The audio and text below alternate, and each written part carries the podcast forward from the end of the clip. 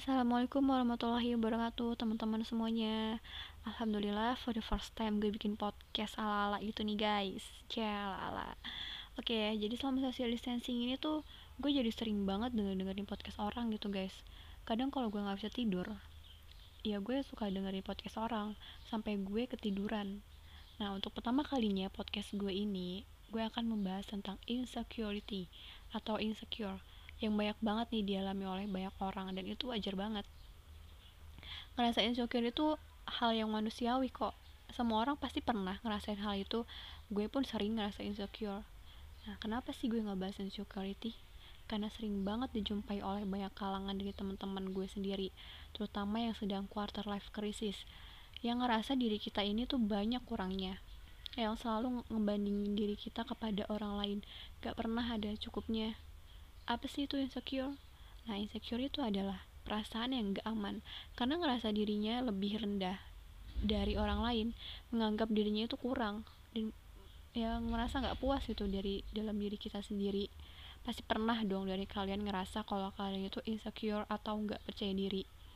Lo ngapa-ngapain tuh kayak gak pede gitu dan kalian membanding-bandingkan diri kalian sendiri atau hidup kalian dengan orang lain, mau orang deket atau orang yang bahkan gak kenal. Oke, okay, terutama soal fisik sih. They said, lo kok kurusan? Wah, lo gendutan deh kayaknya. Muka lo kenapa itu banyak banget jerawatnya? Eh, lo pendek banget sih jadi orang. Eh, lo, tuh, lo tuh terlalu tinggi jadi orang. Atau yang baru hijrah dibilang sok soleha, sok suci, pakai gamis dibilang kayak emak-emak, pakai jilbab panjang atau syar'i dibilang ibu-ibu kosidahan. Hmm, ini salah satu contoh toxic people mereka orang-orang yang spirit negativity all the time. Pertama ketemu orang yang dibicarain itu selalu kekurangan orang lain. Menurut gue cantik itu tuh nggak berarti kita harus jadi sama seperti orang-orang lain.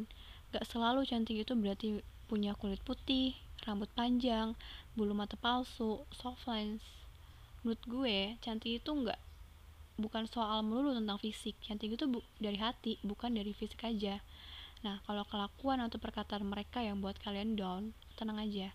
Kalian gak sendiri karena banyak orang lain juga yang ngerasa down atas perkataan orang-orang toksik itu.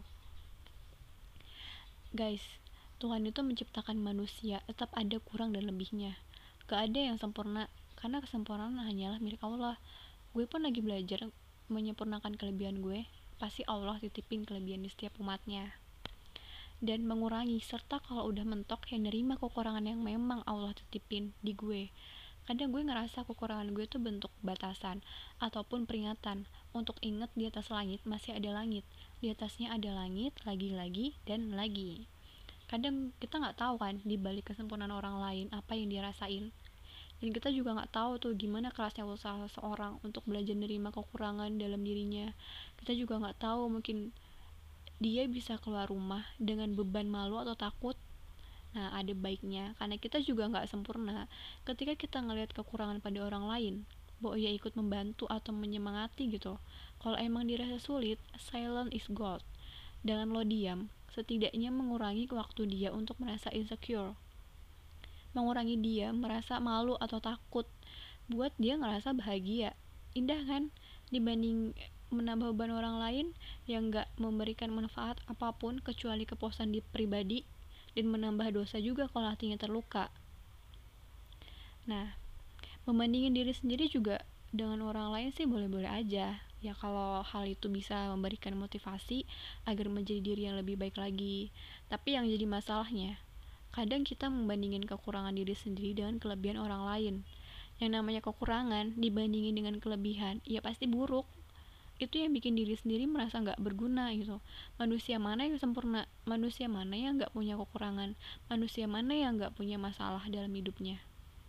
Jadi jangan terlalu fokus pada kekurangan sehingga menghalangi kita untuk mengembangkan kelebihan atau potensi yang kita miliki gitu guys. Nah, jadi cara yang paling mudah ketika gue ngerasa percaya diri itu yang paling pertamanya ya just be positive dengan kita berpikir positif, accepting your body, menerima kritikan dan tentu berpikir positif itu akan membuat hidup kita lebih bahagia.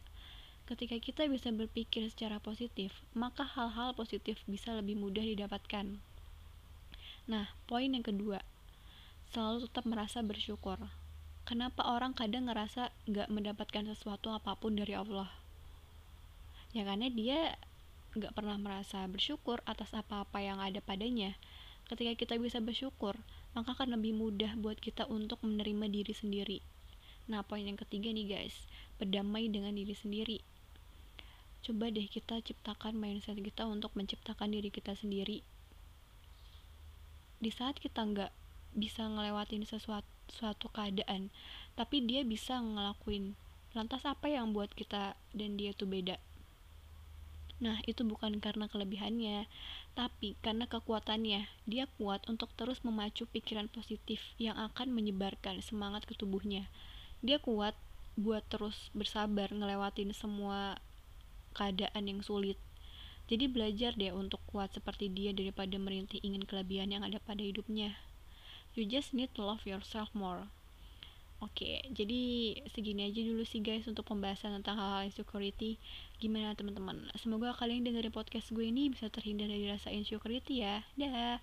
Wassalamualaikum warahmatullahi wabarakatuh.